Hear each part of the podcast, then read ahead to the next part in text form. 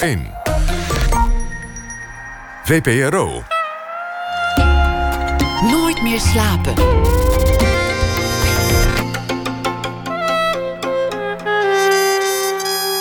Met Esther Naomi Perquin. Goedenacht en welkom bij Nooit meer slapen. Hoeveel ruimte blijft er over voor kostuumontwerp in een filmwereld die steeds digitaler wordt? Dat is een van de vragen op het Imagine Filmfestival.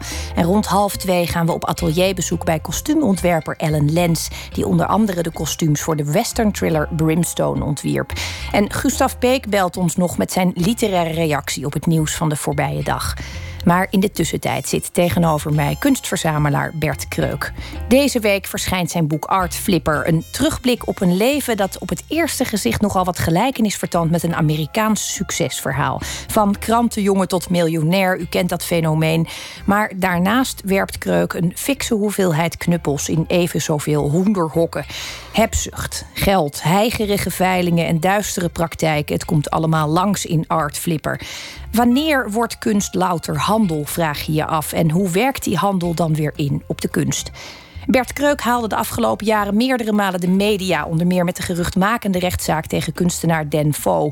En dankzij de aanschaf van de fameuze D-Day-vlag. Een voorwerp dat eigenlijk niet binnen zijn inmiddels reusachtige kunstcollectie past, maar dat wel heel veel lijkt te zeggen over zijn manier van denken en handelen. De vlag als symbool voor hoe vrijheid bevochten moet worden. En een voorwerp dat hem er steeds weer aan herinnert, vermoed ik, wat er precies voor nodig is om van de ene wereld in de andere te komen. Bert, welkom. Dankjewel. Ja, die vlag, dat is een. Uh, uh, eigenlijk iets wat, wat niet direct samenhangt met je kunstcollectie. En tegelijkertijd vond ik juist heel, wel, heel, heel, heel sterk. Omdat het gaat om, om een verhaal, om een context en, en hoe dat een rol speelt. Om emoties. De, de dag dat je die vlag aankocht, kun je die dag beschrijven? Nou, dat was een hele bijzondere dag. Uh, dat ik was toen in mijn huis in, uh, in Zwitserland. En mijn oom uh, was daarbij. Mijn oom die mij uh, zeg maar van jongs af aan onder zijn uh, hoede heeft genomen. En ja, er werd het kwam in, in veiling en ik had van tevoren mij, me voorgenomen om die vlag te bemachtigen. Dus ik wist dat ik ermee zou eindigen. Dus dat is wel bijzonder, hè, dat je iets koopt wat je, waarvan je weet dat je het gaat bezitten. Maar vooral de bijzonderheid is dat ik mijn zeg maar, Amerikaanse dromen, om het zo te zeggen, heb kunnen waarmaken in het land waar de mensen die voor die vrijheid vochten... en waar die vlag uh, zeg maar het laatste symbool voor is geweest... die ze waarschijnlijk op Normandië hebben gezien... Uh, ja, dat, dat die mensen uit dat land kwamen waar ik mijn droom heb kunnen waarmaken... dankzij hun uh, bevochten vrijheid uh, voor ons. En uh, ja, dat voelde dubbel en dat was emotioneel. En die emotie heb ik nooit eerder meegemaakt met een kunstwerk. Want als je een kunstwerk koopt, dan besef je dat er altijd wel weer een ander kunstwerk komt. Maar er is maar één eerste D-Day-vlag. En dat was op dat moment. En ja, dat, dus die emoties schieden wel tot, door, mijn, door mijn keel. Terwijl ik heel erg nuchter ben. En in de loop der tijd wel heel veel gekocht heb in veilingen. Dus veilingen doen me niet zo gek veel meer. Maar deze veiling wel. Het was een telefonische uh, situatie. Dan, ja. dan, zijn er dus een heleboel bieders. Ik, ik, ik heb dat nooit meegemaakt, maar dat is ja. hoe ik me voorstel... is dat overal ter wereld dus mensen aan de lijn hangen met, ja. met een nummer. Uh, wat is dan je tactiek? Want je zei net, ik, ik, wist dat ik hem zou krijgen. Ik wist dat ik, er, dat ik ermee zou eindigen. Ja. Dat, dat is nogal wat trouwens. Ja, nou, om dat te weten. Ja, nou ja, dat weet je. Ja, kijk, het punt is, uh, de vlag die. Uh, ik vond de vlag, ja, het is natuurlijk een hoop geld. Maar ik wist dat die te laag ingezet was en dat ik bereid was om meer te betalen. En. Um, dat trekt natuurlijk een hoop mensen aan. De goedkope prijs trekt een hoop mensen aan. Ook een hoop mensen die niet serieus zijn. Um, maar op een gegeven moment ja, doe je biedingen. Je, je, laat ze snel achter elkaar lopen om te laten merken dat je, dat je geïnteresseerd bent. Op een bepaald moment uh, uh, ga je weer wat langzamer bieden. Um, dus het is een bepaald tactisch spel uh, wat je speelt. Um, maar aan de ene kant ja, wist ik in dat tactische spel wel dat ik het zo speelde dat ik die, die vlag ging, ging kopen. En ook bereid was om daar een goede prijs voor te betalen. De geschiedenis van die vlag is, is de vlag ook aan te zien. Ja, klopt. Ja. ja. Ehm, Even, even voor het verhaal, wat, wat is de geschiedenis van, van deze specifieke vlag? De geschiedenis van deze vlag is dat hij uh, in het bezit was, uh, 70 jaar lang, uh, van iemand die een van de leidende boten kapitein was. En die als eerste zeg maar, de, de vloot naar de Normandische kusten begeleidde. Dus het was eigenlijk de eerste boot die aankwam. En daar was hij op gehezen. En dit was een Nederlander. Uh, uh, was iemand van Nederlandse afkomst. En um, ja, die heeft hem uh, eh, 70 jaar lang in zijn bezit gehad. Uh, hij overleed uh, een paar jaar geleden en zijn familie hebben hem geveild. Dat hebben ze gedaan in Dallas, in een klein veilinghuis. Dus dat is al opmerkelijk, want als je zo'n belangrijke vlag verkoopt... dan zou je verwachten dat dat in New York gebeurde. Maar dat gebeurde niet. En vanwege mijn contacten binnen de kunstwereld wist ik dat hij te koop was. En dat ik hem, ja, ik werd op de hoogte gesteld daarvan. En zodoende ben ik gaan bieden. En heb ik hem ja, uiteindelijk gekregen. Het is, het is niet een uh, gebruikelijke aanschaf. Het is ook geen gebruikelijke. Ik bedoel, er zijn er niet meer van. Het is een, een, uniek voorwerp. Maar als jij zegt, ik ben normaal heel nuchter... en in dit geval was ik emotioneel. Waar zat die emotie nou, die emotie zat hem in, vooral in het feit dat uh, binnen onze familie, zeg maar, in, uh, tijdens de bombardementen in, in 1940, familieleden zijn omgekomen. En, uh, ja, en een, ander familielid is daardoor zijn vrouw kwijtgeraakt. Die is naar Engeland gegaan. En die is daar op de koopvaardij gaan varen. ter bevoorrading van Engeland, vanuit Amerika vandaan. En die is zelf twee keer getorpedeerd. Um, en ja, die is doorgegaan. Dat is iemand die uit Rotterdam kwam. Dus niet lullen maar poetsen, doorgaan. En uiteindelijk is hij in Engeland blijven wonen. Dus er zit een, een, een gelaagdheid in, emotie, technisch, maar ook historisch gezien. En ja, deze vlag, als je die ziet, daar zitten de kogelgaten nog in. Er zit het vuil van de, van, de, van, de, van de motoren, van, van alles wat daar toen gebeurde, dat, dat zie je aan die vlag af. Het is een gravelde vlag. En voor mij had het ook iets van de emotie van dat een vlag die um, ja, geveild wordt, uh, zoveel emotie kan hebben. En als je dan ziet waar dat afzet tegen de hedendaagse kunst en opkomende kunst, die soms um, gemaakt wordt. Hè, ik praat over een bepaald deel van de kunstwereld, die uh, jonge kunstenaars. Uh, maken, commercieel gezien. En dat de waarde van, van hun kunstwerken binnen een hele korte tijd meer doen dan, dan deze vlag. Dan begin je af te vragen van waar liggen de verhoudingen en wat is ware betekenis. Een kunstwerk wat gemaakt is uh, alleen maar om uh, het doel om, om, om aan een vraag van de markt te voorzien, wat, wat, wat miljoenen moet kosten. En, en, en, en niet die emotie voor mij kan hebben die, die deze vlag wel heeft. Uh, ja, dat is, dat is bijzonder. En daarom heb ik hem ook op de voorkant van mijn boek gezet. Uh, en, in een preg, zeg maar, in een relief. Zodat hij eigenlijk op het klatergoud... want er zit wat goud op de achterkant van het boek... op het klatergoud van de, van de kunstwereld. Waar het goud aan de onderkant een beetje af aan het komen was... voor mij op een bepaald moment. En uh, ja, dus dat is ware betekenis. Ik, ik, vond die ware betekenis in deze vlag boven het klatergoud van de kunstwereld. En ja, dat is eigenlijk de kast van het boek. Het moment dat je dan te horen krijgt, uh, jij hebt hem. Wat, wat zegt zo'n mevrouw dan aan de telefoon? Zo'n nou, die vrouw die, eh, ja, die was zelf uh, niet helemaal gewend om uh, hele dure kunstwerken te, te kopen. Die was zenuwachtiger die was, Ja, was zenuwachtiger dan ik. En ja, die zat mij helemaal uit te leggen hoe een kunst, hoe een, een veiling werkte. Maar terwijl ik al twintig jaar veilingen doe, dus ik wist wel ongeveer hoe het werkte. Maar dat is, dat is prima natuurlijk. Ehm, zij verkoopt niet, ze verkopen als klein veilinghuis niet zo van deze dure, dure voorwerpen. Dus die was zenuwachtig. En ja, die wist eigenlijk op een gegeven moment ook niet dat ik hem had. Die zei, ja, I think it's yours, Beurs. I think it's yours. en ik denk, ja, dat weet ik, dat die van mij is.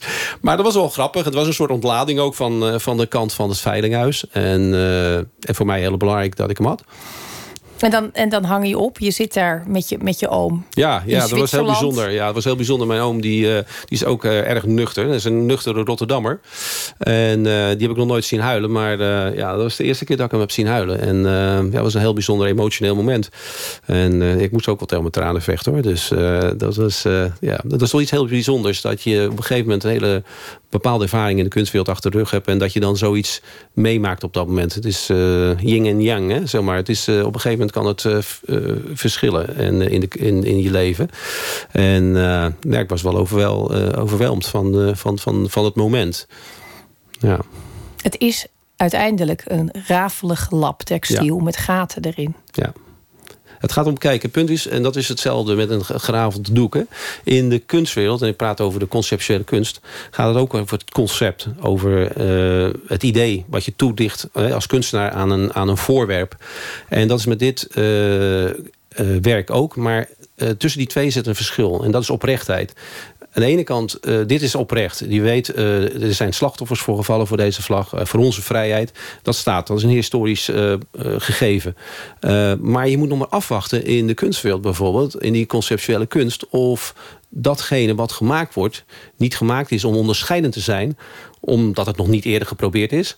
of dat het met de juiste oprechtheid is gemaakt. En steeds meer is mij gebleken, en dat beschrijf ik ook in mijn boek... is dat die oprechtheid vaak ver te zoeken is.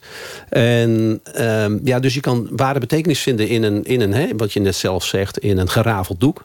En dat dat belangrijker is dan een kunstwerk... waar je eigenlijk ook een plezier van, van moet hebben. Een passie. Kijk, kunst verzamelen is mijn passie.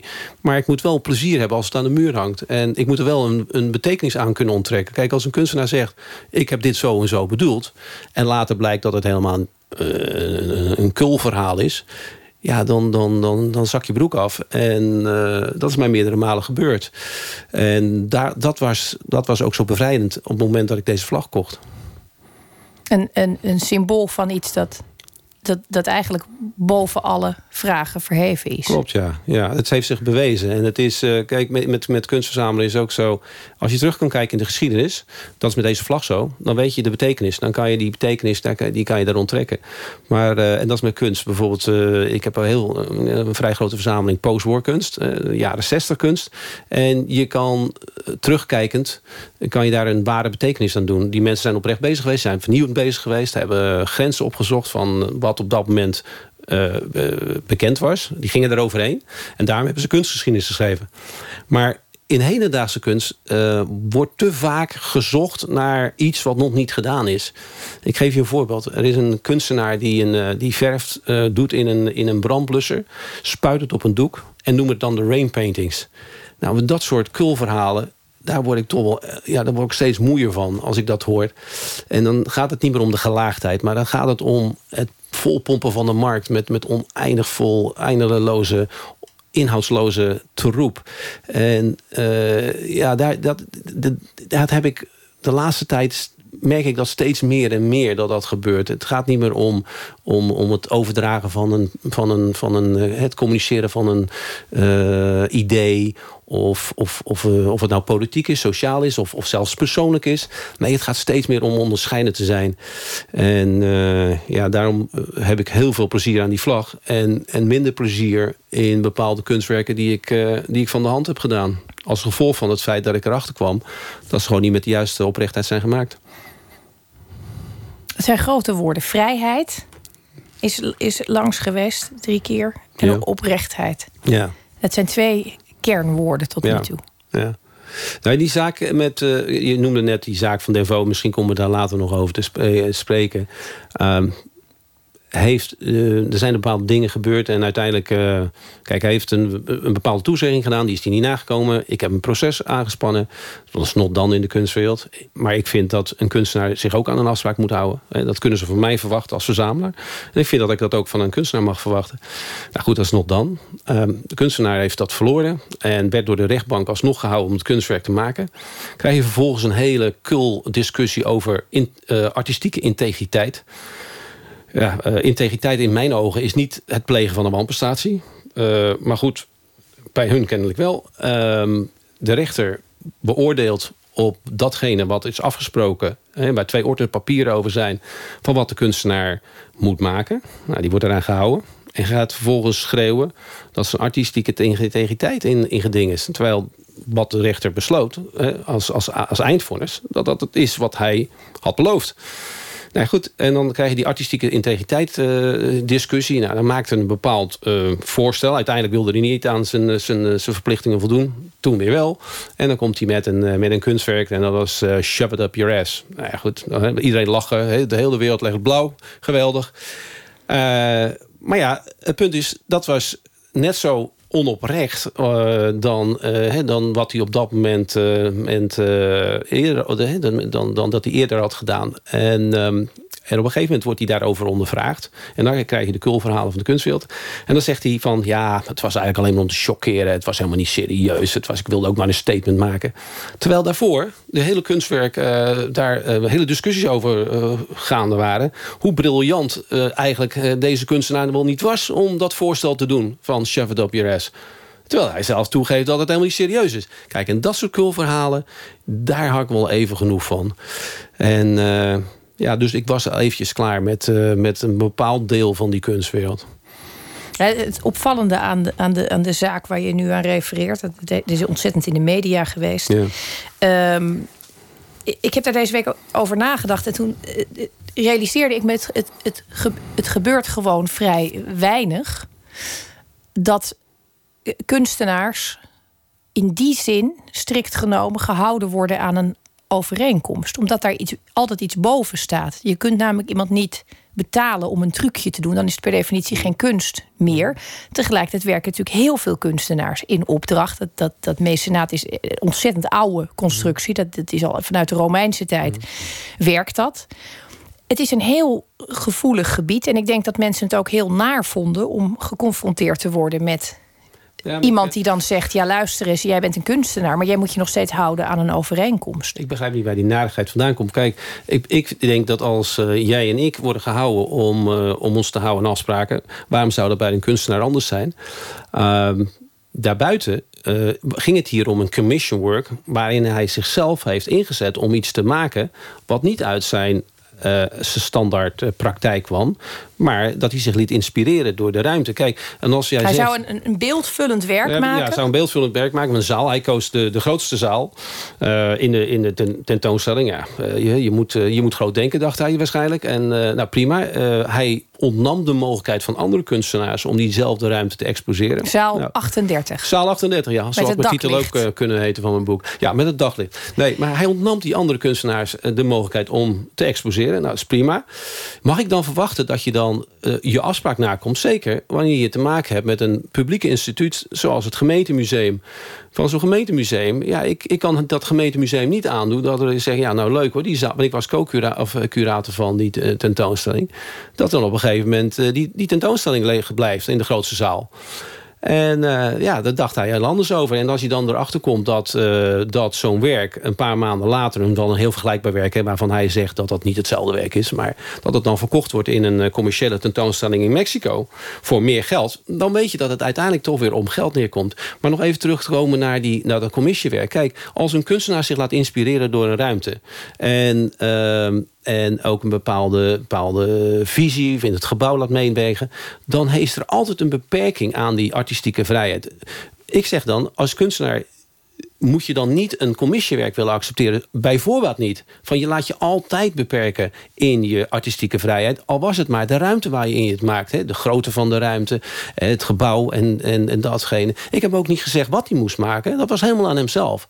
Nou, als je dan de rechter zegt van... nou, wat je dat toen zou maken... Uh, Amerikaanse vlaggen waren dat ook. Dozen van Amerikaanse vlaggen op de muur en in de lucht. Daar veroordeel ik je voor. Dan vind ik dat een hele normale uitspraak. En dan begrijp ik niet die discussie van die artistieke integriteit, moet ik eerlijk zeggen. Want dat punt ben je dan al voorbij nadat je zeg maar, zo'n commissiewerk accepteert.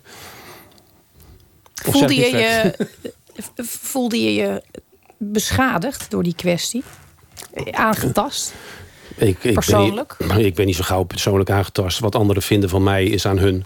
Dus uh, ik kan alleen maar mijn verhaal uh, zo eerlijk mogelijk vertellen. En uh, ik laat me leiden door mezelf en door mijn eigen passie. Uh, ik verzamel voorwege uh, het feit dat ik uh, leuke dingen wil verzamelen... en leuke dingen aan de muur wil hebben. En wat een ander van mij vindt, is vaak gewoon irrelevant. Want wat mensen van je vinden... heeft vaak te maken met eigen belang. En dat is niet zelden een commercieel belang. In het geval van, uh, van Denvo begonnen zijn galleries van alles en nog wat te roepen. Artflipper onder andere. Dat was, uh, dan word je bestempeld als iemand die niet serieus uh, kunst verzamelt. Alleen maar verzamelt om het weer snel te verkopen. Artflippen. Nou ja, goed. Ik zou in eerste instantie vragen van wat is je eigen functie als je een gallery bent. Dat, dat gaat over flippen van art. Maar goed, um, het punt is maar dat excuus werd ook uh, aan mij toegemeten elf maanden, want het ging om een paar verkopen in, uh, in, bij Sotheby's in november van 2013. Terwijl de afspraak met hem dateert van januari 2013. Dus het is een achteraf excuus. Het is elf maanden later verzonnen om mij, nadat hij gewezen is door de rechtbank uh, op zijn wanprestatie, om geloofwaardigheid te geven aan zijn wanprestatie. Dus het heeft met beeldvorming te maken. En dat beeldvorming, uh, dat is allemaal, als dat niet binnen bepaalde context gebeurt, dan ja, zal ik maar, dat is, zeg ik altijd, maar dat zal mij echt een reet roesten. Wat, wat ze van mij vinden en, en hoe ze mij willen bestempelen. Kijk, Artflipper is een signaal naar de kunstwereld om te zeggen van, ja, die meneer, die moet je geen kunst meer leveren. Maar het zijn diezelfde mensen die publiekelijk zeggen dat ze geen kunst meer aan me leveren, maar ondertussen wel aan mij kunst verkopen en zeggen tegen mij, Bert, je begrijpt toch wel hè, dat ik het publiekelijk uh, moet me conformeren aan het systeem. Het systeem. En ja, dat is die, die, die dubbelheid. Dat is die, die, die hypocrisie die, die je vaak in een bepaald gedeelte van die kunstwereld terugvindt. Ja, en daar laat ik me niet echt niet door leiden. En bovendien, als ik kunstwerken wil kopen, kom ik er gewoon aan. Want uh, kijk, in de kunstwereld word je vaak onderverdeeld. Er is een onderverdeling tussen goede verzamelaars en slechte verzamelaars. Die goede verzamelaars krijgen toegang. Maar diezelfde goede verzamelaars staan bij de opening van een, uh, bij een gallery-opening mij te appen. Van hé, hey, welke kleur wil je hebben? Wil je de, welke wil je hebben, Bert? Nou, ik heb het uh, echt overmorgen in huis hoor. Als ik een kunstwerk wil hebben van die ehm, gallery die zegt aan mij niet te verkopen. En dat is ook hypocrisie. maar goed, ik loop er al twintig jaar in rond. En ik begrijp al ongeveer hoe de hazen lopen. Alleen de laatste tijd is het met die hedendaagse kunst... Uh, daar komt een extra gelaagdheid bij kijken. Uh, als het gaat over manipulerende zaken... om kunst te kunnen en mogen kopen. Daar komt het vaak neer op het feit dat je bepaalde concessies moet doen aan galeries om de zogenaamde wijn, de, de wachtlijsten die ze, die ze creëren. Dat zijn, dat zijn veelal gewoon schijnwachtlijsten. En die wachtlijsten worden gemaakt om zoveel mogelijk concessies te krijgen van uh, verzamelaars. ben je bereid om een boek uh, bijvoorbeeld bij, zo'n uitgave van, uh, van, een, van een tentoonstelling te betalen? Of wil jij de, de tentoonstelling helemaal betalen? Dan kom je hoog op die wachtlijst. Dus het is eigenlijk een soort afpersmiddel, zo'n schijn, schijnwachtlijst. En dat is heel gebruikelijk in de kunstwereld, kan blijkbaar. Althans in de hedendaagse kunstwereld. Waarbij de belangen van de, van de gallery niet zelden groter is dan die van de kunstenaar. Het gaat al lang niet meer over de kunst en over die van de kunstenaar. Nee, het gaat om het belang van die gallery. Die moet gewoon verdienen, zodat hij weer ergens anders een dependance kan openen. Maar als ik jou zo hoor, dan vraag ik me toch af. Ehm, is, de, is de handel in kunst nou wezenlijk anders dan de handel in, in, in, in, in bordkarton? In. Uh, bananen in sportsokken. Ik denk het wel. Het klinkt zo, zo liefdeloos. Het klinkt zo, zonder, zo verbeeldingsloos. En dat gaat mijn boek juist precies over. Mijn boek gaat over het feit dat iedereen denkt dat... Iedereen heeft het idee dat, het, eh, dat kunstverzamelen over het romantische idee gaat van... oh, je koopt het voor de passie. Maar er gaat een keiharde business achter schuil. En ik moet eerlijk zeggen dat ik dingen meemaakte in de kunstwereld... die ik niet meegemaakt heb in mijn zakenleven. Um, en weet je hoe dat komt? Dat komt omdat die ongereguleerd is. Uh, als je nu bedenkt dat als jij een kunstwerk koopt... Dan kan het kunstwerk zijn miljoenen. Dan is een factuurtje jouw eigendomsbewijs. En dat gaat helemaal, dat gaat helemaal niet over contracten. Er wordt geen contract gemaakt. Dus hij is, die hele wereld van die kunstwereld is heel ongereguleerd. En dat willen ze vooral zo houden. Want binnen die kunstwereld heb je een status quo... waar mensen en die galleries uh, lekker aan verdienen. Dus vooral niet veranderen. En dan heb je niet te veel van die, van die open Rotterdammers nodig... zoals Bert Kreuk, die daar heel zelfstandig in zijn... en zich niet laten manipuleren en zich niet laten intimideren... Uh, om uh, te voldoen aan die, die schijnbachlijsten... en, en, en, en antidateringen van kunst en dat soort dingen. Dus ik denk dat ik met mijn boek... en ik denk dat dat uh, de onnuchtering is van het hele verhaal... Wat er, en de verbazing is ook... dat niemand dacht dat deze kunstwereld zo erg ging over geld. En dat gaat hij wel. En uh, dat was voor mij ook zelf ook een onnuchterende, onnuchterende constatering na verloop van tijd. Want ik heb altijd, in het verleden ben ik begonnen met, uh, met uh, impressionistische kunst.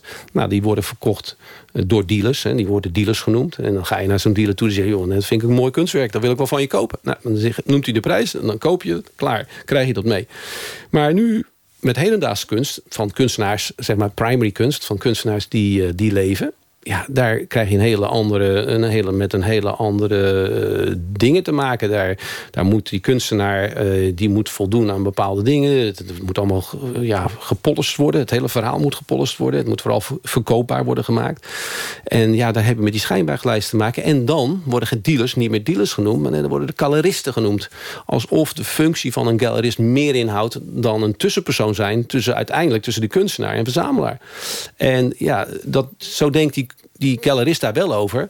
En uh, ja, dan krijg je allemaal uh, bepaalde excessen... Ja, waarvan denk, mensen denken dat, dat ze er niet waren. En ja, die lezen ze nu in mijn boek. En uh, ja, dat is, dat is onnuchterend, denk ik, voor een hoop mensen. mensen zouden ook de conclusie kunnen trekken... dat je een, een gefrustreerde man bent die niet mee mocht doen met de, met de, met de echte kunstliefhebbers, met de echte kunstkenners. Ja. En dat je nu uh, zit, zit, zit te schoppen. Ja, nou, dat moeten ze vooral denken. Kijk, ik, kijk, ik beschrijf uh, mijn ervaringen en ik wil graag gaan over mijn eigen ervaringen. Zelfs bepaalde mensen die nu gaan schrijven over... Kijk, het punt is niks zo voorspelbaar als, als de reacties... Uh, en de vooringenomenheid van de kunstwereld. Dus ik, ik zie het al lang aankomen. Ik, ik ben zo'n tien stappen voor wat er nu gaat gebeuren is precies diezelfde reactie. En je bent weer terug bij hoofdstuk 1 van mijn boek. Daar gaat, daar gaat het om. Het gaat om beeldvorming en perceptie. En als ze van mij willen denken dat ik gefrustreerd ben... Nou, dan moeten ze dat vooral denken. Dat interesseert me echt nogmaals geen reet. Maar... Uh, ik denk dat er niemand zo gepassioneerd is zo, in kunst als ik. Want ik koop kunst. En als ik kijk, het punt is, als ik tot ontdekking kom dat ik een kunstwerk kan kopen van een kunstenaar. wat beter is dan datgene wat ik in mijn collectie heb dan ben ik er open over. Dan, ik verzamel niet in diepte, zeg maar. Eh, dat heet diepteverzameling. Ik wil niet te veel van een bepaalde kunstenaar hebben... maar ik wil wel het beste werk van de kunstenaar hebben. Nou, dan verkoop ik het werk wat ik vind dat slecht is... en dan koop ik een beter werk. Op die manier krijg je een, een, een topcollectie. Ja, dan krijg je een topcollectie. Ja, en als je dan een Mickey Mouse collectie wil houden... dan moet je vooral je, die slechte werken in je collectie houden. Maar zo zit ik niet in elkaar. Ik wil gewoon de, de, de beste werken hebben. Ja. Uh, waarom? Nou ja, dat is mijn streven. Ik, uh, en... Um, ja, ik ben dus open over het feit dat je af en toe ook een kunstwerk verkoopt. Nou ja, uh, daar ben ik altijd open over geweest. En daar is niet iedereen open over. Uh, mijn collega kunstverzamelaars, die zijn er niet open over. Juist omdat ze bang zijn voor, dat, uh, voor artflippen. Maar aan de voordeur zeggen ze dat ze niet verkopen. Maar aan de achterdeur staan ze containers met kunst naar buiten te zeulen. En dat, en dat koop ik dan weer. We gaan het er straks verder over hebben. En ook waar deze passie bij jou vandaan komt. Waar dat begonnen is. Na het nieuws gaan we het ook nog even hebben over uh, kostuumontwerper Ellen Lens. Daar uh, spreken we mee. En dat gaat over de digitalisering in de filmwereld. En we spreken Gustav Peek, die voor het laatst een verhaal bij de actualiteit heeft geschreven. Dat allemaal en meer na het nieuws van 1 uur.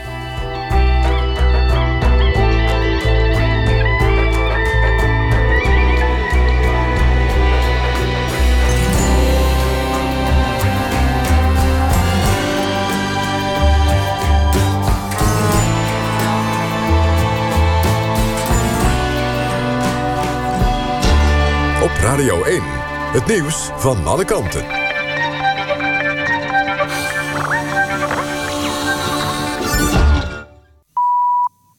Uur en ook Thijssen met het NOS-journaal. Een hoge functionaris van het ministerie van Veiligheid en Justitie... is geschorst nadat de politie bij hem thuis een hennepkwekerij had aangetroffen. Volgens B en De Stem vonden agenten dinsdag 114 planten in zijn woning. De ambtenaar en zijn vrouw zijn opgepakt. De man was in het verleden plaatsvervangend directeur van meerdere gevangenissen... waaronder de zwaar beveiligde inrichting in Vught. Hij zou nu een andere hoge functie hebben... bij de dienst justitiële inrichtingen. In Veldhoven hebben de eerste Eritreërs... die voor acht uur moesten vertrekken uit het conferentiecentrum Koningshof... rond half elf het gebouw verlaten. Ze zijn met bussen naar andere locaties gebracht... waar ze kunnen overnachten. Onder hen zijn Eritreërs en Nederlanders met een Eritrese achtergrond. Inmiddels zouden ook de andere Eritreërs uit het conferentiecentrum weg zijn. De bijeenkomst in Veldhoven werd donderdag verboden... vanwege verstoring van de openbare orde. Bij het Openbaar Ministerie moeten meer gekleurde aanklagers komen... om een kenniskloof tussen het OM en de samenleving te voorkomen. Dat zegt OM-topman Herman Bolhaar in de Volkskrant. Volgens Bolhaar wordt de samenleving steeds complexer... maar verandert zijn organisatie niet genoeg mee. Het is niet bekend hoeveel gekleurde officieren er nu bij justitie in dienst zijn. Twee farmaceutische bedrijven hebben een kort geding aangespannen om te voorkomen dat hun middelen worden gebruikt bij de executies van zeven veroordeelden in Arkansas. De Amerikaanse staat wil hen tussen 17 en 27 april ter dood brengen, omdat aan het einde van deze maand de houdbaarheid van een van de executiemiddelen afloopt. De doodstraf in Arkansas is in 2005 voor het laatst voltrokken. Het weer komende uren vanuit het noordwesten regen. In de ochtend breekt de zon soms door. Later valt er plaatselijk een bui. Het wordt 10 tot 12 graden. Eerste paasdag is het wisselvallig. Tweede paasdag overwegend bewolkt en enige tijd regen. Dit was het NOS Journaal. NPO Radio 1. VPRO. Nooit meer slapen.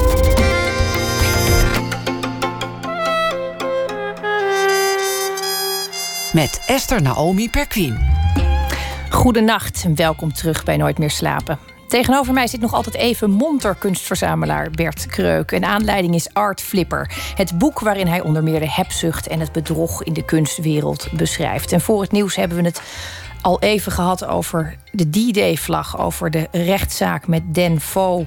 En over, ja, toch ook wel jouw onthutsende beeld van de kunstwereld. Om dat goed te begrijpen, ehm, want daar gaat het natuurlijk ook over in, in zo'n leven, waarin je jezelf steeds dingen bijleert, waarin je uh, de kunstwereld in, induikt eigenlijk als een buitenstaander en je daar steeds verder in specialiseert. Dan gaat het ook over het hebben van controle.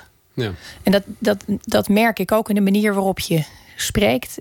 Je, je, je bent ontzettend geneigd om alles tegelijkertijd te overzien. En mhm. daar ook de, de regie over te houden. Er, er, het gaat jou niet gebeuren dat iets jou ontgaat. Ehm, heb je dat altijd gehad? Ja, dat heb ik altijd gehad, ja. Ik heb, uh, als ik uh, dingen zou laten ontglippen... of uh, dingen niet zou hebben overzien in, in mijn zaken... dan, dan had ik hier nu niet gezeten. Um, dus ik ben altijd wel in controle geweest. En voor wat betreft het kunstverzamelen als je niet in controle bent. En ik kom nog even heel snel terug op die proces. Dat is een van de excuses geweest. Er waren tientallen excuses waarom die zogenaamd gewoon, gewoon had. Maar een van de excuses was... ja, die Bert Kreuk is maar autodidact. Toen denk ik van autodidact...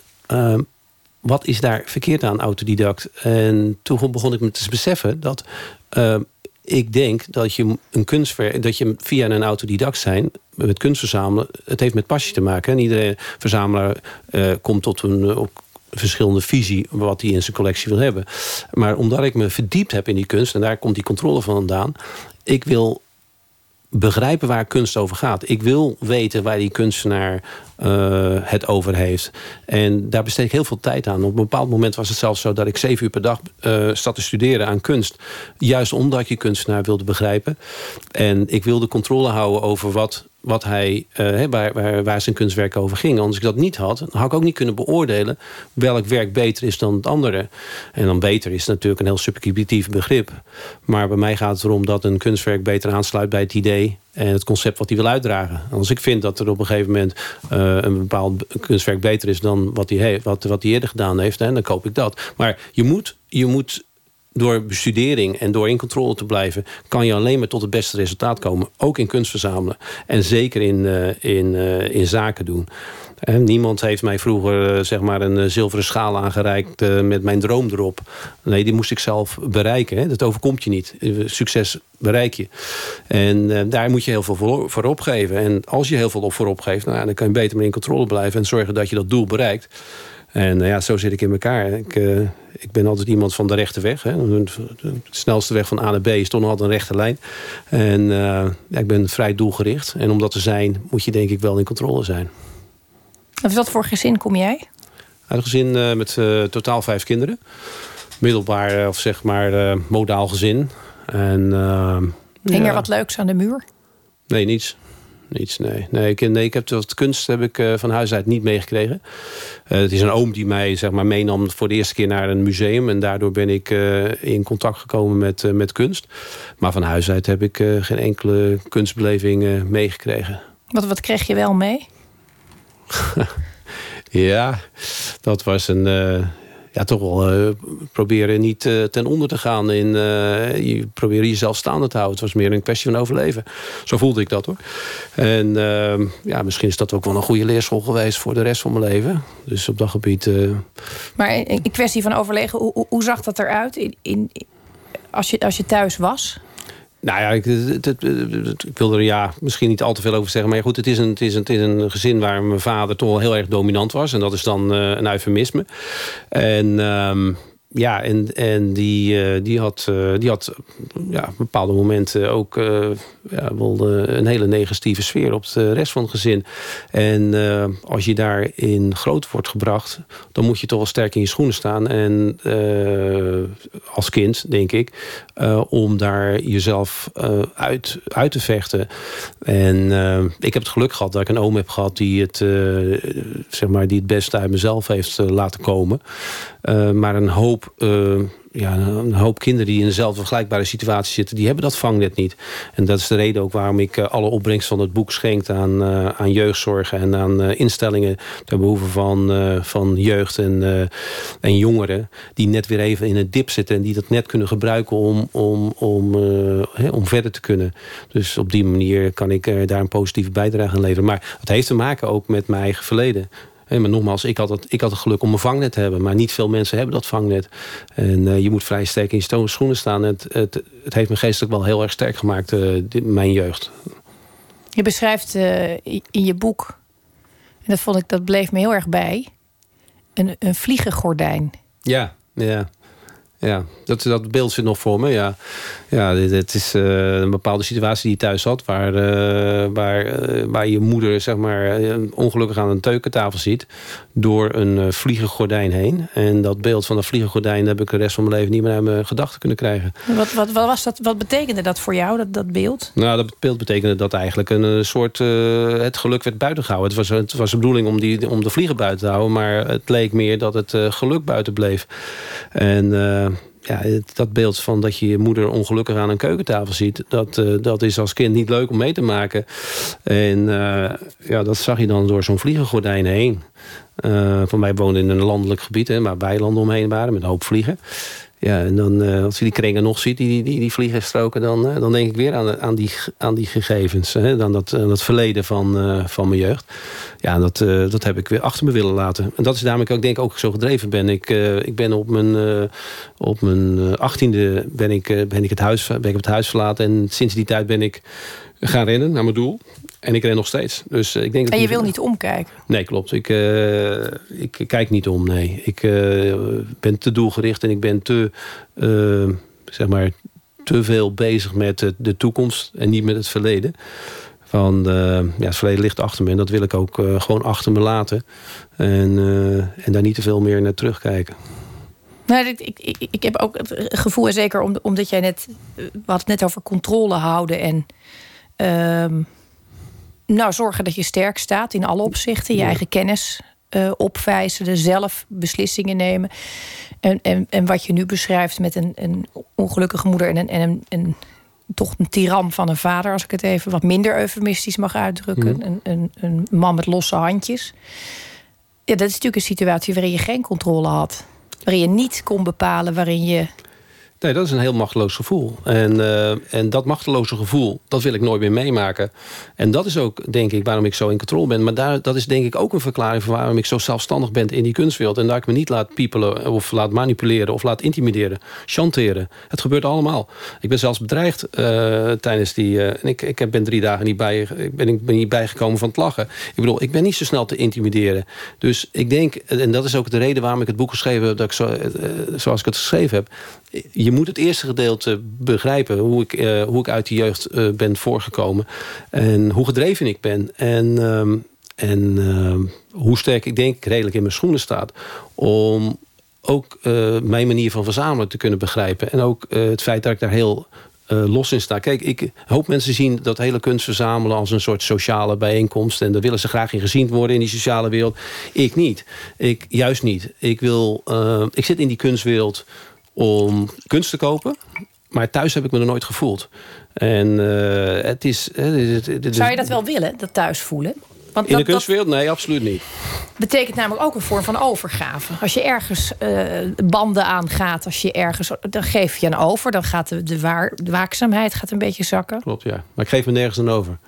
Ik, eh, zeker niet aan de kunstwereld. Van als jij je kunst aan de kunstwereld over, overgeeft... dan sta je morgen in je blote reet buiten. Dus nee, dat eh, overgeven aan de kunstwereld... nee, dat moet je niet doen. Dat is een slecht advies voor iedereen die kunst gaat verzamelen. Echt, niet overgeven. Nee, je, vooral je eigen mening... en je, vooral je eigen doel blijft volgen. Maar dat is met alles in het leven. Hè. Als je een bepaald doel hebt... eh, of je wil een kunstwerk kopen... ga ervoor en doe het zelf. Want eh, van een ander kan je niet op aan. Er zijn zo, die, die hebben vaak het advies om het iets niet te doen. Alleen zelf, voor jezelf kan je eh, de motivatie opbrengen... en de reden opbrengen om iets wel te doen. En dat, dat, dat, eh, dat heeft ook met je geschiedenis te maken. Automa Natuurlijk, dat, is, dat zit in je. Die gedrevenheid zit in je. Dat komt ergens vandaan. Eh, maar je moet vooral in jezelf geloven. En dat heb ik gehad. En dat heeft mij geen windeieren gelegd. Op eh, in de zin van dat ik eh, nu een gelukkig leven heb. Ik, ik, heb het, ik ben financieel onafhankelijk. Dus per saldo ben je dan al een vreemde eend in de bijt in de kunstwereld. Hè? Dat je niet afhankelijk bent van... In wezen, je kan zeggen van die kunstwereld over toegang tot kunstwerk. Maar het is nog altijd zo dat ze afhankelijk zijn van mij. Die kunstwereld zijn afhankelijk van pinautomaten. En dat ben ik. Ik ben een pinautomaat voor de kunstwereld. En die afhankelijkheid is dus niet andersom. En dat heb ik altijd zo willen hebben. Ik- ander- laat een ander maar, dat klinkt heel on, on- onvriendelijk... maar laat een ander van mij afhankelijk zijn... maar ik niet van, eh, eh, van de ander. Zeker waar het gaat, waar die andere geld moet verdienen aan mij. Eh, en dan wil ik Maar, graag maar een is, controle dat bij. nog een, is dat nog een keuze die je maakt? Onafhankelijk zijn? Of is het, Nou, het gaat automatisch. Is, het, is het ook zo dat je niks anders kan? Ik kan niet anders. Nee, het is je instelling. Ik bedoel, als je niks aan toeval overlaat... en eh, je staat vrij zelfstandig en sterk in je schoenen... dan is dat iets wat je... Ja, wat de, eh, dat is geen keuze. Dat is gewoon, eh, je bent zo. Maar het is, het is, het is ook een, een, een vorm van eenzaamheid. In relaties, in vriendschappen. Als je je nou, niet... ik heb voor mijn doelen ja, wel heel veel op moeten geven. Dat is zo, ja. Ik heb, eh, ik heb daar, eh, daar alles voor over gehad. Maar dat had meer te maken met het feit dat ik, eh, dat ik een bepaald doel had gesteld... en die ook wilde bereiken. En, eh, Daar ja, kon niemand tussenkomen. Daar kon niemand tussenkomen, nee. Zelfs geen relaties, niets. Nee, daar was ik heel erg gedreven in. Maar dan ben je ook alleen, Bert. Nee hoor. Ik heb, ik heb eh, genoeg prettige vrienden en mensen om me heen. Maar in de klassieke zin Maar van... hoeveel vertrouw je er? Echt, als het er echt op aankomt, hoeveel vertrouw je er? die daar zit. Je oom. Ja. Ja. Nee, maar ik bedoel, vriendschap vind ik, een, vind ik altijd zo'n heel moeilijk woord. Wat is, wat is vriendschap? Eh, eh, ik, als je een hele goede kennis hebt of iemand waar je heel plezierig mee omgaat, is dat een vriend? Ja, ik, ik weet niet. Ik vind dat heel, heel moeilijk te definiëren. Wat, wat is de definitie, de definitie van vriendschap? Eh, maar dat betekent niet dat ik alleenig ben of zo. Ik ben geen, uh, geen zielenpoot of zo. Hoor. Nee, ik, ben, ik voel me zeer gelukkig. En ik heb heel veel mensen om me heen die, waar ik plezierig mee omgaat. Maar ja, vriendschappen, ja, ik denk dat ik er maar één heb. En waar je echt 100% op vertrouwt. En ja, maar ik voel dat niet als een soort gemis of zo. Jouw oom is, jou, is jouw redding geweest in veel opzichten. Jij, uh, uh, jullie hebben ongelooflijk veel tijd met elkaar doorgebracht. Ja. Je hebt veel van hem geleerd, veel aan hem te danken. Um, we hebben nu eigenlijk over, over allerlei aspecten gepraat. We hebben, het, we hebben het over rechtszaken gehad, we hebben het over de kunstwereld gehad, over je positie daarin. Maar wat ik nog mis, is het moment dat jij een werk ziet en ervoor valt. Mm -hmm er verliefd op wordt. Er moet toch ergens een, een die ontmoeting tussen kunstwerk en koper. Uiteindelijk ben je, word je dat, word je koper. Maar in, in beginsel ben je een kijker. Ja. Hoe ziet die ontmoeting eruit? Nou, die ontmoeting zit er. Uh, die, die, ja, die, uh, je, je moet. Uh, je, in principe, als je niet verliefd wordt op een kunstwerk. Dan, dan kan ik het niet kopen. Het gaat in principe om die passie. Als je passie ontbreekt, dan, dan, dan kan je geen, geen kunst kopen. Want ik heb heel vaak. ik hoor van verzamelaars, vrienden van mij. die zeggen van ja, ik, mijn adviseur heeft het geadviseerd. Ik zeg ja, maar je koopt, toch, je koopt toch zelf een kunstwerk? Het gaat toch om of je het zelf leuk vindt. of je het zelf aan de muur wil hebben. Het hangt toch niet aan de muur van je, van je, van je adviseur. Ja, maar die hebben het geadviseerd. Ik zeg, ja, nou ja, prima. Dus sommigen stellen zichzelf niet de vraag van... hey, hoe hangt het bij mij aan de muur? En dat is een hele cruciale vraag. En dat doe ik altijd wel. Bij elk kunstwerk uh, vraag ik me af... in hoeverre het over een jaar uh, nog leuk is om naar te kijken. Uh, gaat het vervelen bijvoorbeeld? Uh, dus, maar dat is wel een heel belangrijk uitgangspunt. Ja, dus die passie, die, die moet er zijn. En, en hoe kom ik met kunst in aanraking? Ja, dat is met, met, met galleries, met, met, met musea bezoeken. En heel veel lezen. En, is, is er één zo'n ontmoeting tussen, tussen een kunstwerk en jezelf... die je herinnert? Een specifiek geval waarin je een ruimte binnenkomt... je ziet, je ziet een werk en het Nee, je bent geen huiler, dat, dat, dat was al duidelijk inmiddels. nee, dat, dus ik kan me niet voorstellen dat er, dat er nu een prachtige scène volgt... waarin jij een pakhuis binnenloopt, iets, een installatie ziet... en in tranen uitbarst. Maar eh, er zijn zoveel ontmoetingen geweest tussen jou en kunst. Je collectie is, is, is echt vrij fors, zeker voor één persoon. Dus het, het is een enorme collectie. Zijn er momenten die je bij zijn gebleven, waarbij je een werk voor het eerst zag? Nou, er is wel één, één wel die wel eh, redelijk bij is gebleven. Dat is de, een Sigmar Polken. Ik denk dat dat één, ja, ik denk dat de, ja, dat mag je nooit van jezelf zeggen, maar ik denk dat het het allerbeste is in privéhanden die nog beschikbaar is van Sigma Polken. Uh, er is een werk in de, in de Museum van Sigma Polken, de Bunnies. Dat wordt gezien als het beste werk. Nou, ik denk dat dit verder bovenuit stijgt. Ja, toen ik dat zag, en dat was ook een hele rare ontmoeting, want ik kreeg dat aangeboden via een, uh, via een, uh, een bevriende kunsthandelaar in New York. Uh, waarvan ik dacht, ja, dat, dat, dat kan hij niet uh, weten dat dat, dat dat ergens bestaat. Nou ja, via via wist hij dat dus wel. Uh, ik kom bij een, een dealer terecht in, in Duitsland. En ja, er moest, dat was een hele rare ontmoeting in Keulen. Ik moest me verzamelen ergens in een, in een, in een Hilton bar. En dat was allemaal heel schimmig. Dus ik denk, ja, waar, waar moet, dit, waar moet dit eindigen? En klopt dit allemaal wel? Nou, het was gewoon dat die meneer die het bezitten die uh, wilde niet weten dat hij het had. Maar hij had het direct gekocht van Sigma Polken destijds. En hij was heel terughoudend. En uh, ja, na een uh, omrit in Keulen kwam ik bij een flatje aan. En daar kom ik binnen. En daar zie ik dat werk hangen. Ja, eh, ik had, een, uh, ik had nog een heel slechte image, een zwart-wit image gezien van dat ding. Dus ik, had, ik, wist niet hoe het er echt uitzag. Maar toen ik het wel zag, dan, uh, ja, toen viel ik wel echt van mijn stoel. Ja, dat Kun was, je het beschrijven wat je, wat nou, je zag? Ja, wat, ik toen, wat ik toen zag is dat, ja, dat is, nee, dat is een soort hemel die open gaat. Geweldig. En dan denk je van, ja, je hebt een bepaald verwachtingspatroon hoe dat eruit ziet. En, maar de nuances bij, bij, bij Sigma Polken zitten in, in, in de stippen vaak. Hè. Daar heb je wat van die, van die dot, van die rasterpaintings noemen ze dat. En het gaat vaak om de, de, de, kleuren en, en de dichtheid van die rasters. En dan hangt het er maar vanaf hoe het er in echt uitziet. En als je dan ziet dat het voldoet aan alle topkwaliteit van zijn werk. Ja, dan, dan denk je van... Uh, dat is ook de enige schilderij in mijn leven geloof ik waar ik niet op gepingeld heb. En ik wist dat ik het gewoon moest kopen op dat moment. En uh, ja, dat is een van mijn toppers in mijn, uh, in mijn collectie. Dat was trouwens het kunstwerk waar ik, met het stedelijk, waar ik bij het stedelijk zou, zou uitlenen. Maar ja, dat is een van mijn van de bijzondere ontmoetingen van een kunstwerk waarvan ik wist dat ik. Uh, ja, dat is, zulke ontmoetingen ont, heb je mij zelden. Dat je echt zegt van dat je een toontopwerk op zo'n rare manier uh, kan kopen. Uh, ja, dat is, dat, is, dat, dat is denk ik het meest bijzondere. Je zou eigenlijk een, een, een huis van een paar voetbalvelden moeten hebben, zodat je alles aan de muur kunt hangen. Dat, dat is natuurlijk onmogelijk. Je, dat is ja. heel raar. Ja. Normale mensen die ja. verzamelen bijvoorbeeld de postzegels en die kunnen daar dan doorheen bladeren. Ja, maar die moeten er ook doorheen bladeren. Ja, maar die hebben dat allemaal. Die hebben dat allemaal in één map. En die hebben dat bij zich. Die en ik heb dat in één, één na meerdere stores. Ja. ja. Maar ik heb het niet bij me, nee. Maar goed, uh, ja, maar per saldo, als je kunst verzamelt... dan heb je meer dan dat je aan, een, uh, aan, aan je eigen muur kan hangen. Hè. Dat, dat is, de, ik denk, de definitie van verzamelaar. Het is ook een soort hebzucht, weet je. Je hebt, je hebt altijd meer dan dat je aan die muur kan hangen. Maar daarom leen ik ook heel veel uit aan uh, musea. Omdat ik op die manier ook mijn eigen kunst in een En ga je dan andere... ook kijken hoe ja. het daar werkt? Ja, absoluut. Ja, want ik vind het ook weer leuk dat als je weer een kunst uitleent aan een museum... die dan weer een hele andere insteek heeft. Een curator die een heel ander idee heeft... van hoe kunst aan de muur moet hangen... of het in een andere setting doet... of met andere kunstenaars laat, uh, laat samenkomen. Ja, dat vind ik geweldig. Vandaar leer ik ook weer meer van over mijn eigen kunstwerk. Dus het is dan ook weer heel leuk om dat in, een, uh, om in die setting te zien.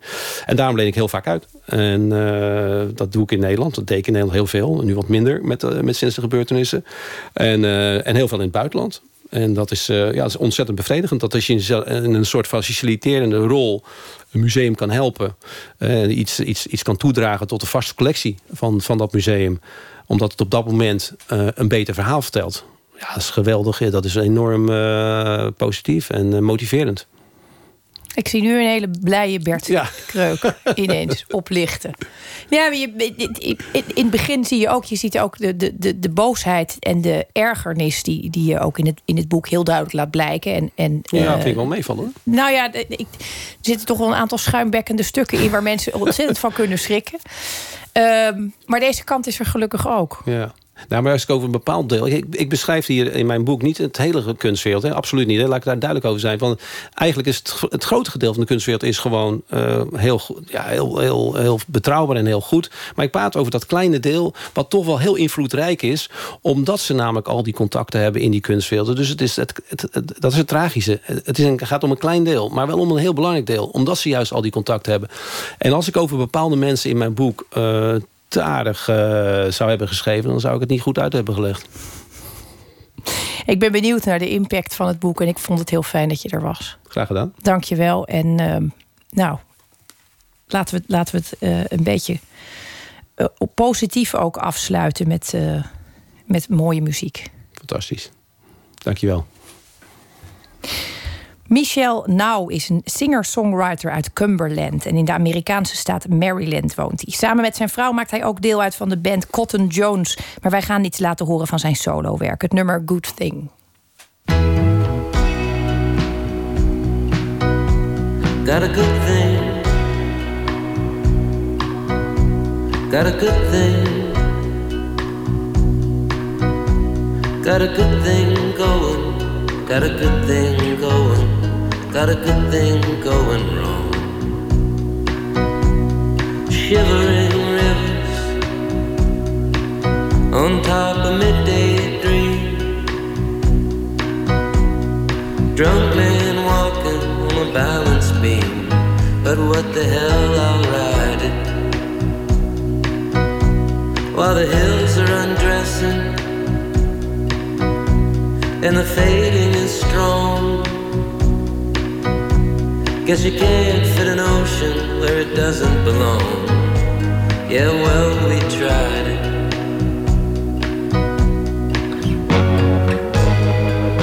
It occurred to me as the sky came down.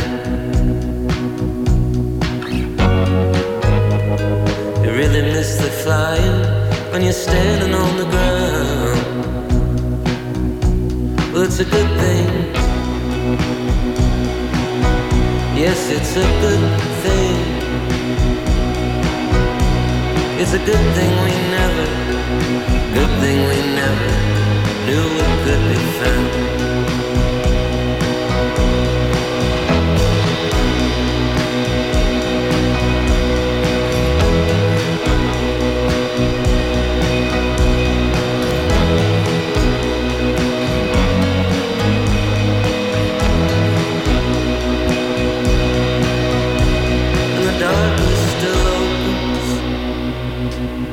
Like the beast heart wide. Something's always ending on an endless ride. Just climb inside it. Much magnificent color. If you scrape back the ship. Well, either way, I'm big enough to say I was lucky enough to stand beside it.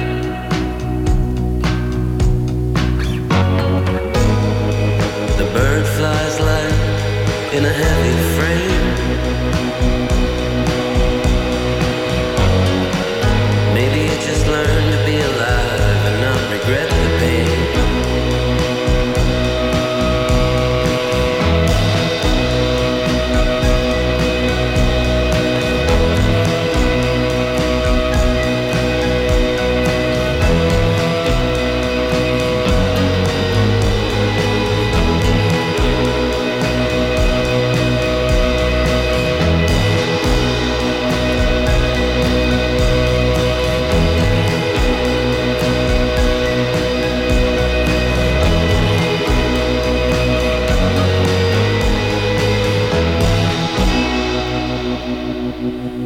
De Amerikaanse singer-songwriter Michael Now met Good Thing. Een voorbode van zijn in juni te verschijnen plaat Some Twist.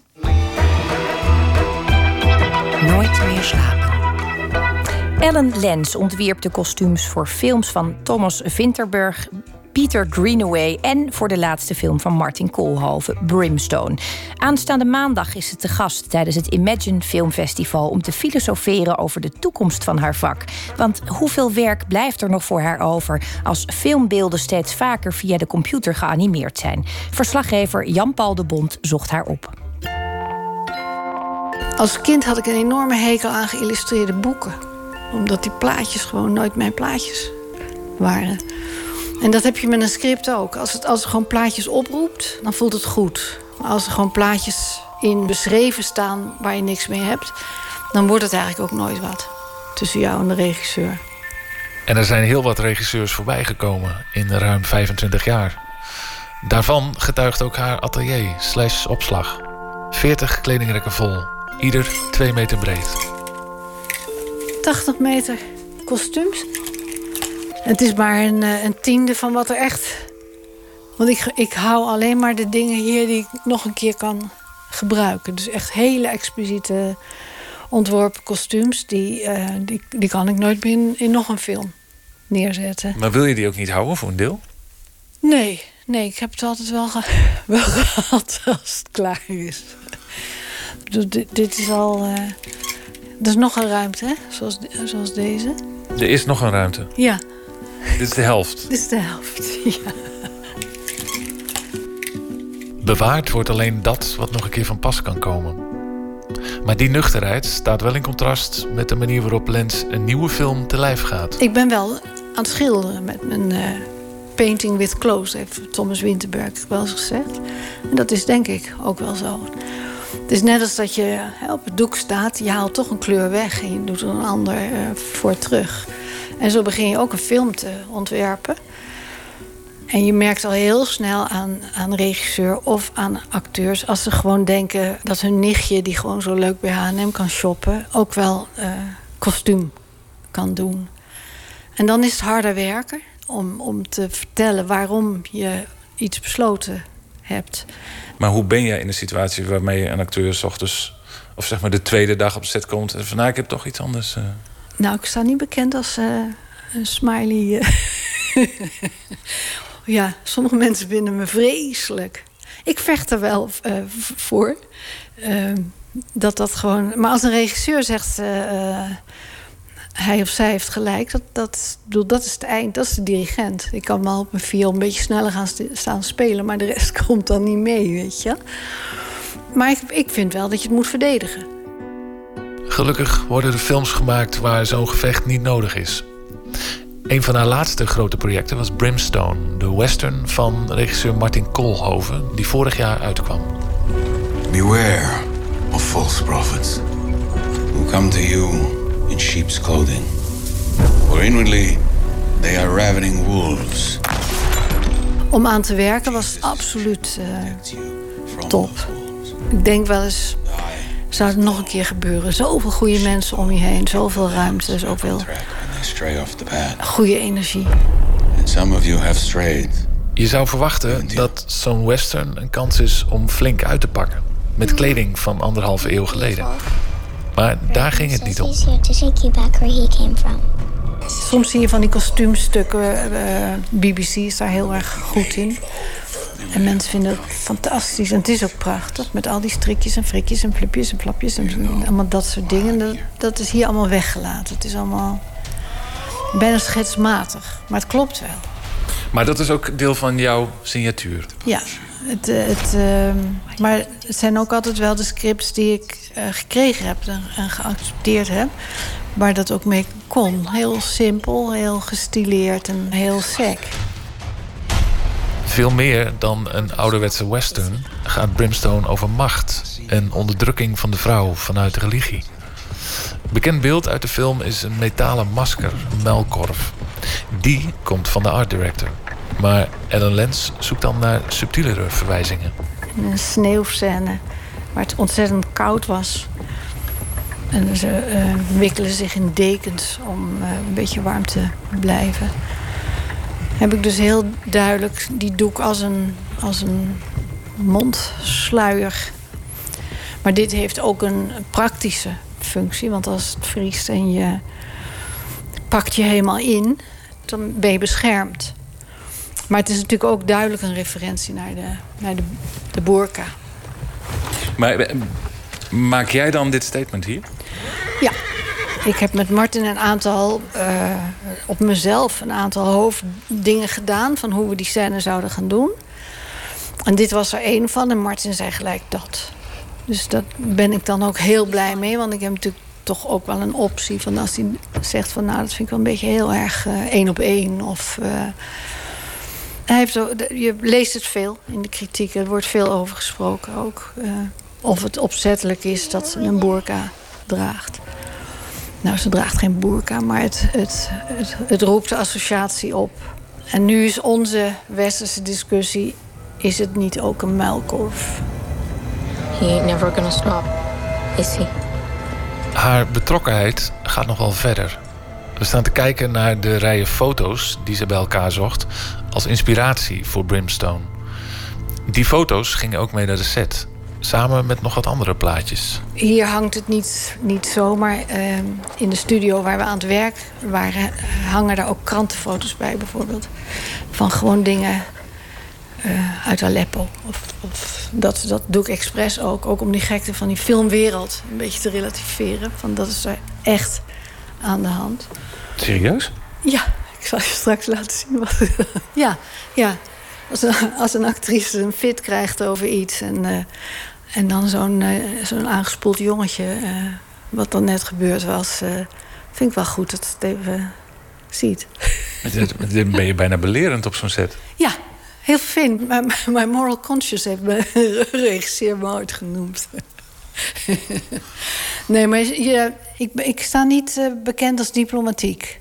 Maar de, ik denk dat ik daar gewoon ook om gevraagd word. Omdat, het, omdat ik gewoon uh, een signatuur heb in dingen. En ik kom wel uit de generatie dat je het echt zelf... de maakbare maatschappij.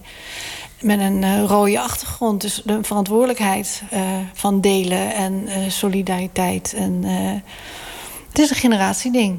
Maar daar ook niet voor gekozen om daarmee te gaan schipperen... omdat je dan denkt van ja, misschien kan ik dan toch een keer... naar die megaproducties meedoen? Nee, want dat voelt niet lekker. Dat voelt, het, het kost te veel ook. Hè. Dit vak is, niet, uh, is helemaal niet glamorous. Het is keihard. En dan wil je wel dat er, dat er iets waardevols staat. Dus dat begint al met het kiezen van een script. En ik realiseer me dat er heel veel mensen zijn die dat gelul vinden. Maar dat is eenmaal... Heb ik een keuze gemaakt en kan ik maken. Dus dat is een uh, voorrecht. Maar dan het kostuum van de toekomst. En de toekomst van de kostuumontwerper. Ellen vindt het maar lastig om erover te praten. Filmmaken is samenwerken. En als digitalisering het filmmaken verandert, verandert dat dus voor het hele team. En bovendien heeft ze al wel wat verandering voorbij zien komen. Het is echt oma verteld, maar dat wat je vroeger gewoon op celluloid zag, de magie van het filmdoek, is door heel, heel veel materialen die er nu gebruikt wordt, heb je gewoon restricties of, of extra mogelijkheden, wat dan ook. Dus je houdt rekening mee waar draaien we op. Want dat heeft invloed op, op je stoffenkeuze en hoe makkelijk is je DOP. Je hebt erbij, die willen geen streep, die willen geen breisel, want het kan wiebelen. Zeg maar. Director of Photography, ja, je, je ja, hoofdcameravoering. Ja, ja, En, en je hebt erbij die uh, kunnen alles aan. Uh, dus dat is allemaal anders. Um, en ik kan me dus voorstellen dat er films komen waar gewoon geen acteur meer aan te pas komt. En misschien uh, ja, wordt er nooit meer stof gebruikt. Nee, dat kan. Dat is een, en dan is een kostuumontwerper kan digitaal gaan werken. Ik zelf, als ik nu een, script zou krijgen en daar zitten fantasiefiguren, ik zou het heel, heel eenvoudig zeggen, die het, mooiste zouden werken als het computer uitgevoerd wordt, dan zou ik gelijk uh, iemand vragen om het te doen. Ik zou niet de ambitie hebben om dat zelf te gaan proberen.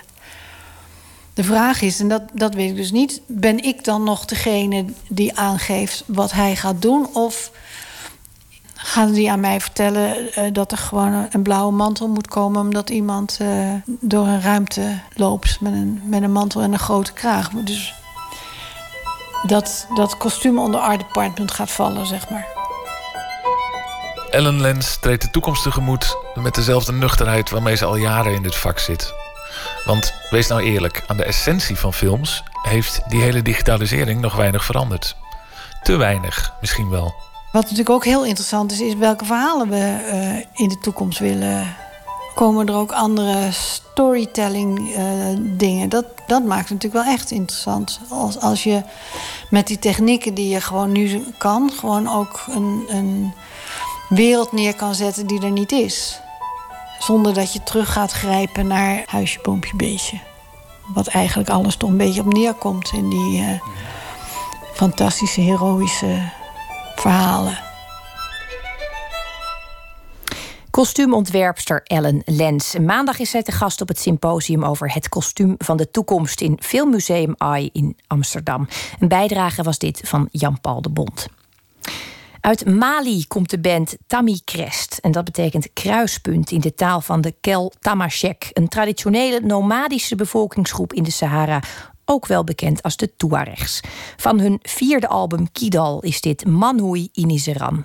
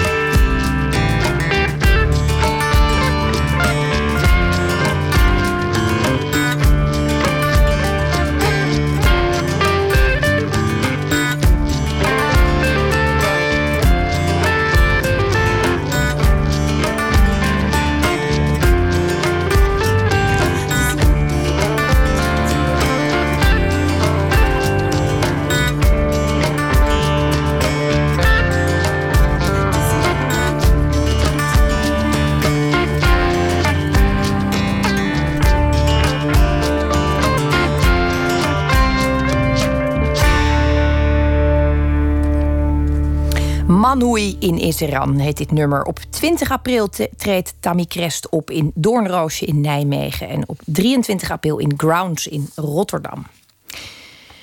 Ik ben wie ik ben is de titel van deze 1 minuut. En let goed op als altijd, want een minuut is zo voorbij.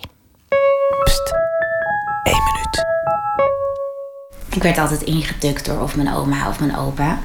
Ehm, en ik kan me gewoon herinneren dat ze dat vertelde uh, voordat ik ging slapen. Denk maar eens aan hoe dol uh, je vader op je is.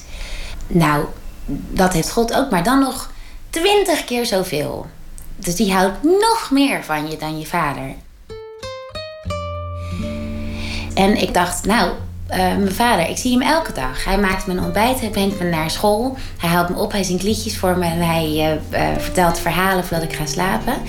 En hij doet zo zijn best. En dan kennelijk is er iemand anders die met een vingerknip twintig keer zoveel van mij kan houden. Zonder dat hij een boekje voor me heeft gelezen. Of ook maar iets heeft gedaan van mij waardoor ik überhaupt wist dat hij bestond. Die hele God kan me gestolen worden. Ik kies voor mijn vader, ja. En dat zal ik altijd blijven doen als ik er nu weer over nadenk. ja, ik ben wie ik ben en ik adem uit wat ik uitadem en doe alles wat ik doe. Omdat Frits mijn vader is. Ja, u hoorde een één minuut gemaakt door Maartje Duin.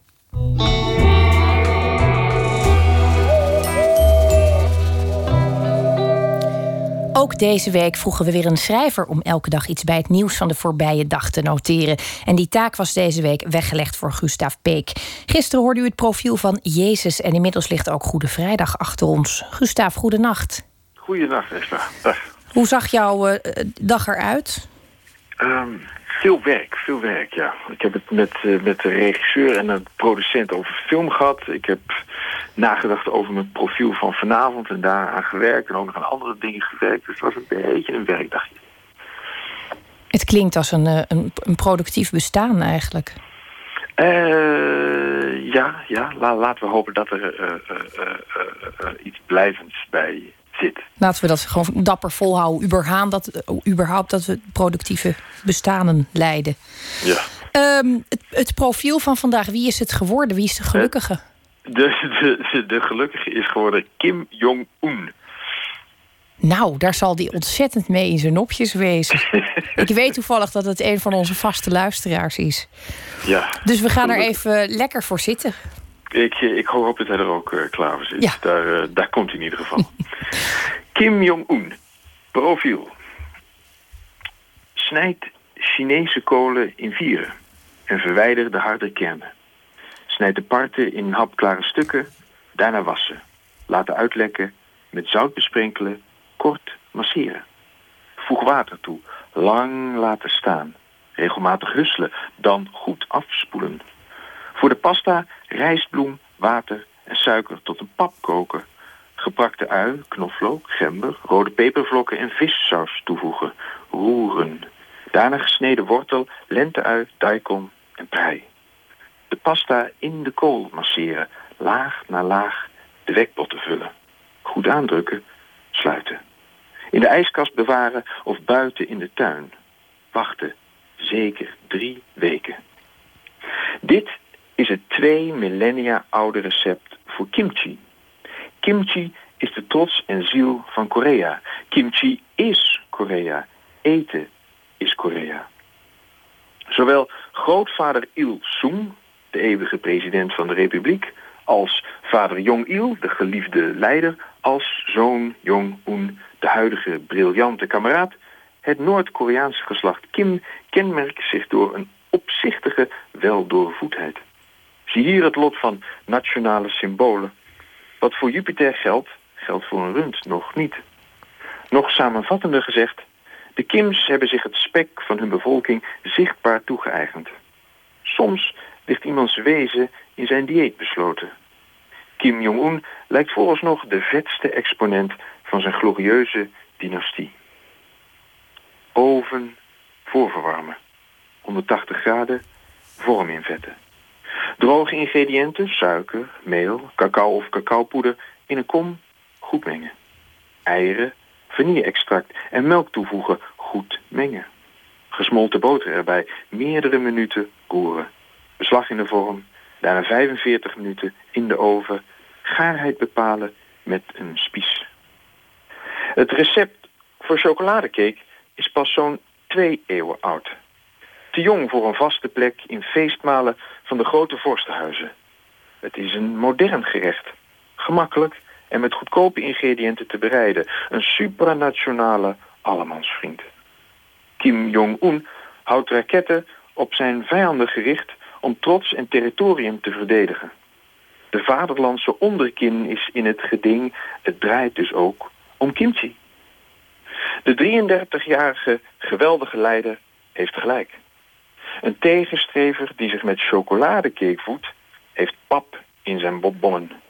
De grote oranje president zal verliezen. Gustav, het is maar goed dat wij in een democratie leven. Want de, de honger die je nu op hebt gewekt in dit middernachtelijk uur bij mensen. De, de, de honderden mensen die nu uit bed stappen omdat ze denken: verdorie, nou moet ik toch nog even naar die koelkast rennen. Om iets met gember, knoflook en pepervlokken te doen. Ja. Nou, daar zou je in, in, in andere landen natuurlijk subiet voor worden gearresteerd.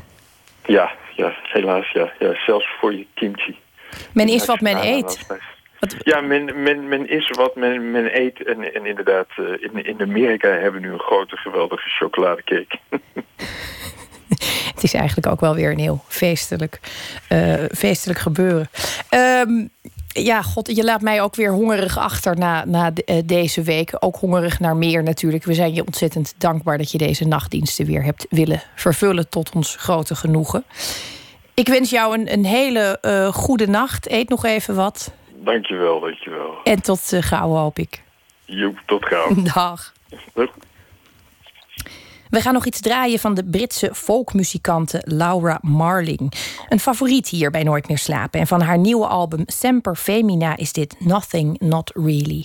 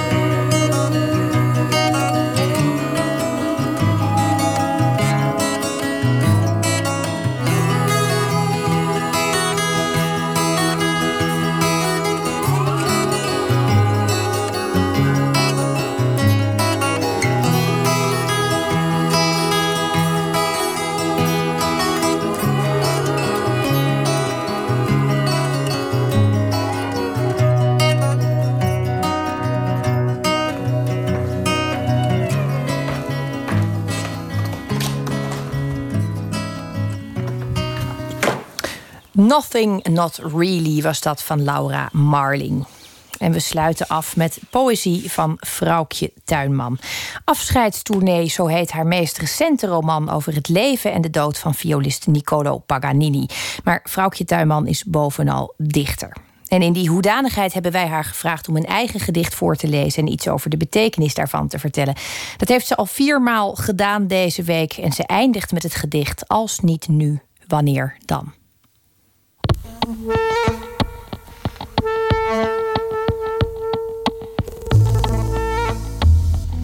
Als niet nu, wanneer dan? Er komt een moment dat je de wijsheid hebt bereikt om alleen nog de kroket te eten en niet het brood. Om, gewoon omdat het kan, je achtjes door de binnentuin te rijden. Met je rolstoel, all day long, terwijl je meezingt met de radio. Alles staat open. Je kunt verslaafd raken aan het een of ander. Je bent toch al oud en ziek. Je hoeft er niet meer van te groeien of te wachten tot de buren dood zijn of je vrouw. Er blijkt altijd wel iemand rond te lopen die je wil vertellen hoe je eigenlijk leven moet. Er komt een moment dat je onaangenaam mag worden. Nu alle andere verwachtingen gebroken zijn, is er niets dat in de weg zou hoeven staan. Je hebt al lang geleden leren vloeken en moet daar nu eens werk van maken. De goede boeken kunnen weg. Voortaan grijp je naar borsten en naar konten. Mooi dat ze er niks van zeggen. Probeer het maar. Liever gisteren dan vandaag. Voor je het weet komt het moment dat al het bovenstaande onderdeel wordt van je ziektebeeld. Er is geen garantie dat je er tegen die tijd nog plezier van hebt. Dit was een opdrachtgedicht. Er was aan alle dichters van het Utrechts Dichtersgilde gevraagd om te reageren op een gedicht van Yeats. Ik heb gekozen voor het gedicht Why Should Not Old Man Be Mad? Ja, de titel zegt het eigenlijk al. Wanneer heb je er recht op om gek te worden of misschien wel gewoon jezelf te zijn? Het gedicht is een soort samenvatting van heel veel bezoeken aan een verpleeghuis. Waar ik old men en women zie, soms ook mad. Ja, het gaat over iets waar ik wel vaker over schrijf. We weten eigenlijk alleen zeker dat we er nu zijn. Je weet niet of je er morgen bent. Als niet nu, wanneer dan? Er komt een moment dat je de wijsheid hebt bereikt om alleen nog de kroket te eten en niet het brood. Om, gewoon omdat het kan, je achtjes door de binnentuin te rijden. Met je rolstoel, all day long, terwijl je meezingt met de radio. Alles staat open. Je kunt verslaafd raken aan het een of ander. Je bent toch al oud en ziek. Je hoeft er niet meer van te groeien of te wachten tot de buren dood zijn of je vrouw. Er blijkt altijd wel iemand rond te lopen die je wil vertellen hoe je eigenlijk leven moet. Er komt een moment dat je onaangenaam mag worden. Nu alle andere verwachtingen gebroken zijn, is er niets dat in de weg zou hoeven staan. Je hebt al lang geleden leren vloeken en moet daar nu eens werk van maken. De goede boeken kunnen weg. Voortaan grijp je naar borsten en naar konten. Mooi dat ze er niks van zeggen. Probeer het maar. Liever gisteren dan vandaag. Voor je het weet komt het moment dat al het bovenstaande onderdeel wordt van je ziektebeeld. Er is geen garantie dat je er tegen die tijd nog plezier van hebt. Als niet nu, wanneer dan? Een gedicht van Vrouwtje Tuinman. Ja, de zegeningen van de aftakeling en de geneugden van de gekte. Er zijn eigenlijk maar weinig dichters die ik ken die zoveel begrijpen van de kortstondigheid. En trouwens ook van het eten van kroketten zonder brood. Maandag komt Volkert de Jong langs bij Pieter van de Wielen. Beeldend kunstenaar, een schepper van een universum dat wordt bevolkt door levensgrote mensfiguren van een humoristische grimmigheid. Sculpturen die meestal van isolatiemateriaal zijn gemaakt, dat ook nog. Vanaf volgend weekend is in het Haagse Museum Gem zijn solo-tentoonstelling Weird Science te zien. Nou, en als iemand daarover in gesprek kan, over Weird Science in het algemeen en die van Volker de Jong in het bijzonder, dan is het natuurlijk Pieter van de Wielen. Dat onder meer maandag. Straks kunt u luisteren naar Joop Radio. Daar komen weer een hoop stellingen over politiek en actualiteit uh, te, tevoorschijn. En dan kunt u ook, geloof ik, nog inbellen. Nou, dat is altijd leuk, mocht u wakker liggen. Ik wens u allerhande pasigheden en blije kuikens en vrolijk springende lammetjes dit weekend. En eet vooral een ei. Voor nu een hele mooie nacht.